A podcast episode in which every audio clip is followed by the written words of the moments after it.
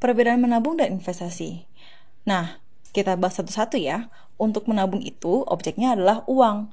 Tujuannya dari menabung ya untuk mengatur keuangan kita sehari-hari. Sedangkan investasi, investasi itu memiliki objek yang beragam macam, dari emas, properti, saham, obligasi, falas, dan masih banyak yang lagi yang lainnya.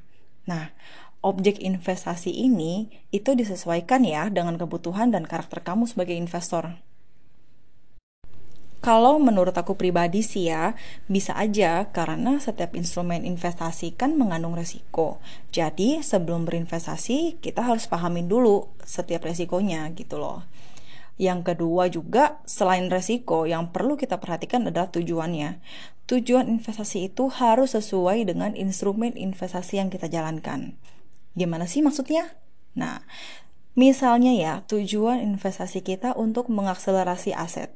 Maka kita harus mencari objek investasi yang volatilitasnya tinggi seperti saham, reksadana saham, forex, atau bahkan bonds trading. Karena dengan volatilitas yang tinggi, maka akan banyak peluang capital gain yang bisa kita dapatkan dari setiap kenaikan dan penurunan tren marketnya.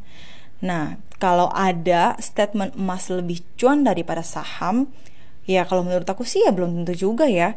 Karena tergantung dari tujuan investasi setiap orang dan seberapa besar orang tersebut dapat menerima resiko yang ada. Untuk menjawab hal ini, maka kita sangat perlu untuk selalu mengetahui resiko dan tujuan dari investasi yang ingin kita capai. Karena berbeda produk sudah pasti beda resikonya dan beda imbal hasilnya juga. Nah, orang berinvestasi emas ini nih, apa yang menjadi fokusnya? Dan berapa lama sih waktu yang dia targetkan untuk investasi emas tersebut? Karena akan menjadi salah kaprah jika orang mengharapkan emas sebagai instrumen yang dapat memberikan capital gain yang besar dalam jangka waktu yang cepat.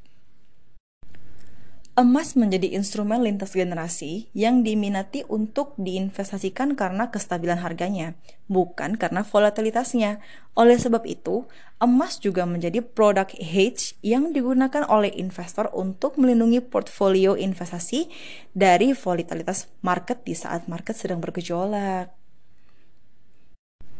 Oke, okay, menurut aku pribadi ya, bagi kita yang ingin mendapatkan cuan yang besar, sudah otomatis kita ini termasuk investor yang berani dengan resikonya. Karena seperti pepatah high risk high return, maka emas menjadi instrumen yang kurang tepat untuk kita pakai sebagai objek investasi. Karena hasil dari investasi kita malah tidak akan optimal karena kenaikan harga emas sendiri tidak fast moving di market seperti saham contohnya. Nah, hal-hal yang kalian harus hindari itu yang pertama adalah kita ini harus memeriksa kemurnian dari emas tersebut. Hal ini sudah sewajarnya dilakukan oleh expert karena emas dinilai dari kemurniannya. Maka ini menjadi hal yang sangat vital untuk diperhatikan sebelum kita membeli emas. Ingat ya, beda kemurnian, beda juga harganya. Yang kedua, tidak memiliki tempat menyimpan emas yang wajar. Hayo di sini ngaku siapa yang simpan emasnya dalam lemari, dalam laci lemari. Hayo, hayo, hayo. Saya juga simpan di lemari. Oke, okay, um, jika kita bicara mengenai investasi emas dalam bentuk fisik, tempat penyimpanan sangat diperlukan ya, agar barang ini itu disimpan dengan aman dan terhindar dari resiko kehilangan ataupun kecurian. Hmm, kalian tahu gak sih emas ini tuh menjadi sangat beresiko loh kalau disimpan di rumah. Maka kita harus invest safety deposit box sendiri atau nitip di SDB Bank. Which is cost tambahan dan belum lagi SDB Bank itu sekarang banyak yang digunakan untuk nasabah prioritas bank tersebut. Ya, jadi tidak sembarangan orang bisa sewa gitu. Yang ketiga dan terpenting adalah tujuan investasi.